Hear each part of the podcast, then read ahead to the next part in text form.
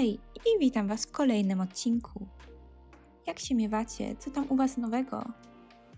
Chciałabym, aby na tym kanale była też różnorodność, dlatego pomóżcie mi i napiszcie, co Was interesuje. A teraz już przechodzimy do dzisiejszej zagadki. Przenosimy się do 1924 roku do Chicago. To właśnie tu dwóch mężczyzn, Leopold i Liob, postanowili odnaleźć odpowiedź na pytanie, co powoduje w człowieku chęć zabijania. To pytanie chyba często też zadajemy sobie słuchając czy oglądając kryminalne historie. Jak ktoś może być zdolny do zabicia drugiej osoby? Dlaczego i po co to robi? Czym kierują się seryjni mordercy? Czy morderstwo może dawać satysfakcję? I w końcu też, czy mordercy rodzą się źli czy stają się dopiero w czasie ich życia. Aby znaleźć odpowiedź na te pytania, mężczyźni podejmują przerażające wybory. Ale najpierw przybliżę Wam ich postacie. Leopold i Liob poznają się na uniwersytecie. Obydwoje dorastali w bogatych rodzinach, byli rozpieszczani i wiedli beztroskie życie. Oboje też byli bardzo sprytni, bystrzy i pragnący wiedzy, Leopold zaczął studia prawnicze w wieku 15 lat. Uwielbiał się uczyć. Zdobywanie wiedzy było, można by powiedzieć, jego hobby. Władał 11 językami i w planach miał też skończyć kilka kierunków studiów. A przez to, że ciągle się uczył i wypominał też błędy swoim kolegom, poprawiał ich czy też krytykował za niewiedzę, był mało lubiany. Uchodził za osobę arogancką i asocjalną. Nie przeszkadzało mu to jednak. Nie potrzebował kolegów czy koleżanek w swoim życiu. Takie osoby tylko by go rozpraszały. Miał on też swoją drugą, mroczną naturę, która niektórych też przerażała i którą też odkrył i wykorzystał Liob. Ale to dowiecie się zaraz. Liob był inny, był całkowitym przeciwieństwem Leopolda był towarzyski, otwarty, lubiący zabawy i imprezy. Trochę zaniedbywał naukę, jednak był równie inteligentny. Mężczyźni pierwszy raz spotkali się w 1920 roku i jak to się mówi, przeciwieństwa się przyciągają. I tak też było w tym przypadku. Liob i Leopold stali się w krótkim czasie po ich pierwszym spotkaniu przyjaciółmi. I co do Lioba, to od zawsze był zafascynowany zbrodniami i wszystkimi kryminalnymi zagadkami. Gdy tylko coś nowego działo się w mieście, od razu czytał wszystkie lokalne gazety, tak aby mógł dowiedzieć się jak najwięcej. Wyciągał wtedy swoje wnioski i czekał na rozwiązanie sprawy. Chciał tym samym sprawdzić, czy miał rację. Swoim, można by powiedzieć, hobby zaraził też Leopolda, który, jak już wiemy, miał też swoją mroczną stronę. Mężczyźni zaczynają też interesować się coraz bardziej kryminalistyką.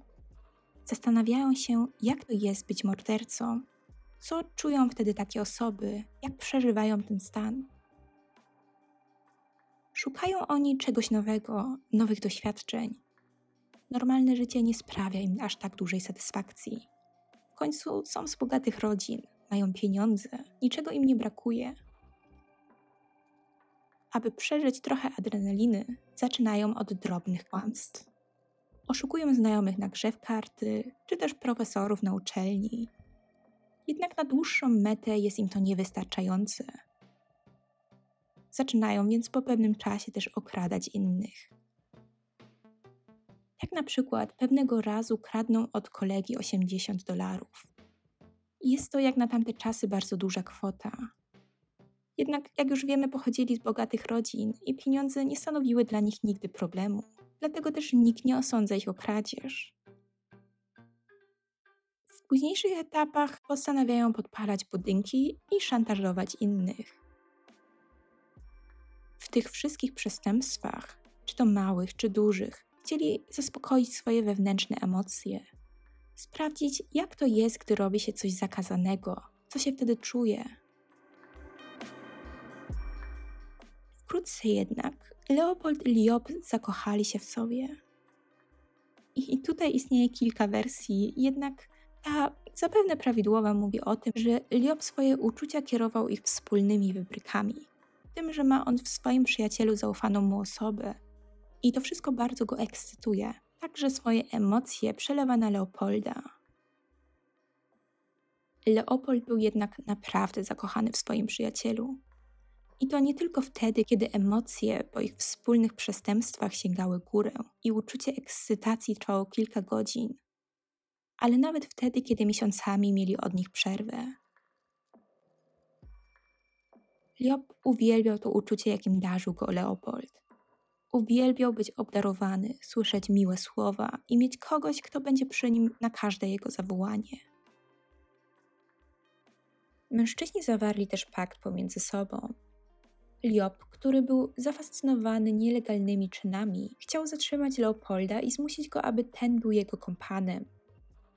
W zamian miał on być oddany koledze i zadawalać go seksualnie. W niedługim czasie doszła też jeszcze jedna ich wspólna obsesja, jaką był Fryderyk Nietzsche i jego teoria nadczłowieka.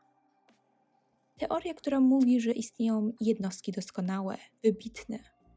I takie osoby mogą decydować w imię wyższych celów o losie, a w tym przypadku śmierci innych, niższych jednostek. Mężczyźni byli przekonani, że są nad ludźmi, jednostkami, które stoją ponad normy moralne i społeczne. Jest im dozwolone wszystko, a każda ich zbrodnia jest im wybaczana, ponieważ sprawia im radość i satysfakcję i nie ma ona dla nich żadnych konsekwencji. I tak właśnie, zagłębiając się w te teorie, planują morderstwo. Chcą nim zaskoczyć całe miasto. Ma być one straszne, przerażające i nadludzko okrutne. Ponad 7 miesięcy planują uprowadzenie i morderstwo na nieletnim, na dziecku. Chcą, aby wszystko wyglądało idealnie, aby nie pozostawili po sobie żadnych śladów. Są przekonani, że potrafią dokonać tak strasznej rzeczy i nie zostać złapanym. W maju 1924 roku są już gotowi robią ostatnie zakupy i spisują list z żądaniami, jakie chcą zostawić po sobie jako porywacze. List ten miał dać im dużo zalet. Przecież nikt nie będzie ich podejrzewał, że chcą wyłudzić pieniądze. Mają ich przecież pod dostatkiem. Dodajmy jeszcze, że jest to rok 1924, a więc nie ma jeszcze testów DNA i specyficznych urządzeń szpigowskich jest na pewno o wiele lżej zakryć wszystkie ślady i pozostać niezłapanym. Jednak czy Leopold i Liop zaplanowali wszystko do perfekcji? Jak jesteście w tym miejscu podcastu, to dajcie znać, jakie macie przypuszczenia. 21 maja wynajmują na nazwisko ich wymyślonego kolegi limuzynę i zaczynają przemieszczać się po mieście, szukając potencjalnej osoby. Ich plan był prosty Chcieli znaleźć osobę nieletnią, która pochodziłaby z takiej rodziny, która miałaby wystarczająco pieniędzy, aby opłacić kaucję za porwanie. Mieli jednak trudności w znalezieniu takiej osoby. Można by powiedzieć, że ich idealny plan wcale nie był taki idealny. W końcu nie mieli pomysłu na ofiarę. Po dwóch godzinach jazdy zauważyli przechodzącego po ulicy 14-letniego chłopaka, który wydawał się im znajomy. I faktycznie, był to Robert, nazywany Bobim, kuzyn Lioba. Chłopak mieszkał, jak i wychowywał się naprzeciwko jego domu rodzinnego. Rodzina chłopca, a więc ciocia i wujek Lioba, byli zamożni. Spędzał on z nimi każde święta. Chłopak znał zarówno jego, jak i Leopolda. Gdy ich auto zatrzymało się, Bobby przywitał ich z uśmiechem. Pod pretekstem podwózki wsiadł też do auta, które prowadził Leopold. Liob siedział z tyłu i to dokładnie tam wsiadł Bobby. Gdy tylko przejechali kilka ulic dalej, Liob uderzył chłopaka metalowym drutem, po czym zaczął dusić go, przykładając mu do ust ścierkę. Po chwili chłopak był już bezwładny. Był jednak środek dnia i aby przejść do kolejnego etapu planu, musieli poczekać do zmroku. Nie opuszczali samochodu aż na krok. Grali w karty, rozmawiali, jedli, a gdy zrobiło się już wystarczająco ciemno, pojechali pod wcześniej wybrane miejsce. Był nim wykopany dół pod torami kolejowymi, tam, gdzie przecież nikt nie będzie go szukać. W dodatku, aby uniemożliwić zidentyfikowanie chłopca, wylali na jego twarz oraz narządy płciowe silny kwas. Jednak czego nie wiedzieli, to to, że wraz z ciałem zakopali też jedną z ich prywatnych rzeczy, jaką były okulary Leopolda.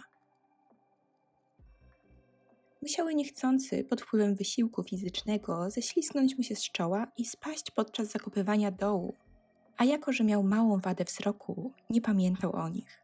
Nosił je w zasadzie tylko raz na jakiś czas. Po zakopaniu zwłok chłopca mężczyźni wracają do domów. Jak gdyby nigdy nic, jedzą kolację ze swoimi rodzicami. Śmieją się, chichoczą. Spotykają się dopiero krótko przed północą. Chcą spalić resztę dowodów, takich jak ubrania czy rzeczy osobiste chłopca. Chcą też jeszcze raz wymyć samochód. Muszą go przecież oddać już za kilka godzin. Z budki telefonicznej dzwonią też do rodziny kuzyna Lioba. Leopold podaje się za porywacza. Mówi, że ma ich syna i że muszą postępować tak, jak im każe, a wszystkie niezbędne informacje dostaną niebawem pocztą. I faktycznie, dzień później list z żądaniami dociera do rodziny Bobiego. Policja i rodzice są w szoku. Chcą jak najszybciej zapłacić okup i odzyskać syna. Porywacze żądają 10 tysięcy dolarów, co na tamte czasy było naprawdę dużo pieniędzy. Pieniądze te rodzina ma zapakować do pudełka po papierosach i zawieźć taksówką do pewnej drogerii. Tam dowiedzą się, jak mają dalej postępować. Rodzina wybiera pieniądze, ich syn jest dla nich najważniejszy, zrobią wszystko, co muszą, aby go odzyskać. Jednak gdy ojciec Bobiego jest już w taksówce, przed drogerią dostaje telegram od policji. Jego syn zostaje odnaleziony, martwy. I był to naprawdę niezwykły przypadek. Miejsce, gdzie mężczyźni planowali zakopać ciało, oglądali wiele razy. Przejeżdżali tam, spacerowali i nikogo nigdy tam nie spotkali. Pech chciał, że zatkała się rura kanalizacyjna, która przebiegała niedaleko od zwłok chłopca.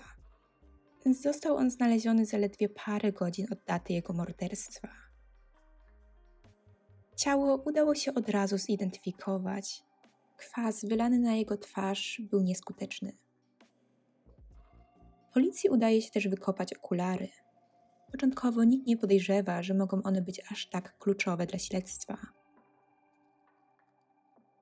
Po paru tygodniach jednak rodzina zauważa, że przedmiot ten wcale nie należy do ich syna. Miał on zdrowy wzrok i na pewno nie są one jego własnością. Policja postanawia sprawdzić ten trop i już wkrótce okazuje się, że mógłby to być Leopold. Okulary te były robione na specjalne zamówienie i tylko trzy osoby w mieście takie owe posiadały. Pierwszą osobą był mężczyzna, który miał na tamten czas dobre alibi. Kolejną była kobieta, jednak była ona za słaba i za krucha, aby przenieść sama ciało i je zakopać. A trzecią z nich był Leopold. Policja od razu zaczęła go przepytywać, a z racji tego, że mężczyźni zazwyczaj zawsze byli w dwupaku, przesłuchują też Lioba. Oczywiście starają się oni wspólnie opowiedzieć i wmówić inną historię, są przy tym pewni swojej racji, aroganccy i wyśmiewają tę całą sytuację. Opowiadają, że tamtego wieczoru byli wraz z żeńskim gronem trochę się zabawić. Byli w aucie, jednak kobiety miały inne spostrzeżenie co do przebiegu tego wieczoru. Poprosiły, aby je wysadzić na najbliższej ulicy. I tak też zrobili. A później byli u swoich rodzin na kolacji, Policja jednak była sprytniejsza i postanowiła w czasie, w którym mężczyźni byli na komisariacie, przeszukać ich pokoje. Znaleźli w nich skarby z poprzednich rabunków, rzeczy, które mężczyźni zachowali sobie jako trofea. Ale kluczowa dla sprawy była maszyna do pisania. Porównując pismo z listu porywaczy, zauważyli, że jest ono identyczne i pochodzi właśnie z tej maszyny. Znaleźli jeszcze listy miłosne pomiędzy Leopoldem i Liobem, a jak wiadomo, homoseksualizm w tamtych czasach był zakazany. Tłumaczenia mężczyzn są już na nic. Wiadomo, że to oni są mordercami. Są dowody i musi być winny. Oboje postanawiają opowiedzieć prawdziwą wersję. Jednak każdy z nich uważa, że to nie on jest mordercą, że zabił ten drugi. W tamtym czasie kara za morderstwo to kara śmierci i żaden z nich nie był na nią gotowy.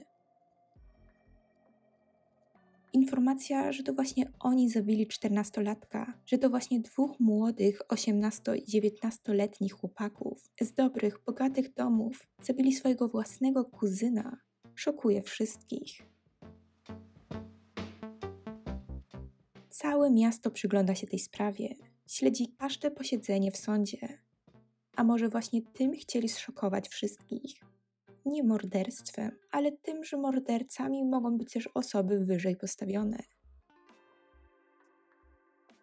Ich rodziny angażują najlepszych adwokatów. Chcą, aby kara była jak najmniejsza. Początkowo bronią się, mówiąc, że są chorzy psychicznie. Ich stan jednak zostaje sprawdzony przez dużą ilość lekarzy, a odwołań od ich negatywnych opinii jest wiele. Adwokat Leopolda uważa na przykład, że był on wtedy w transie, nie wiedział co się dzieje i był pod wpływem Lioba. Obydwoje bronią się czym tylko mogą, aby uniknąć wyroku śmierci. I to właśnie fakt, że byli jeszcze nastolatkami, uchronił ich przed nim. Dostali dożywocie i wiele osób jest zdania, że oboje żyli w symbiozie i że to właśnie to ich wspólne połączenie przyczyniło się do takich myśli i czynów. Potęgowali je oni w sobie i możliwe, że gdyby się nigdy nie spotkali, nie doszłoby do tego.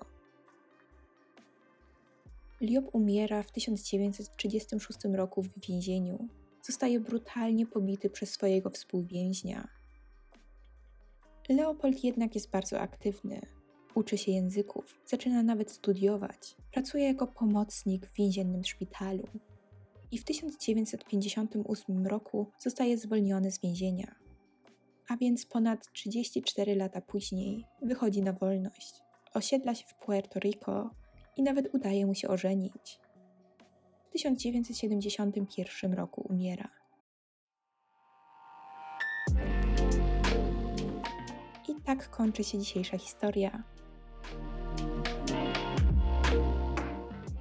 Tak więc trzymajcie się i uważajcie na siebie. Widzimy się, a raczej słyszymy kolejnej zagadce.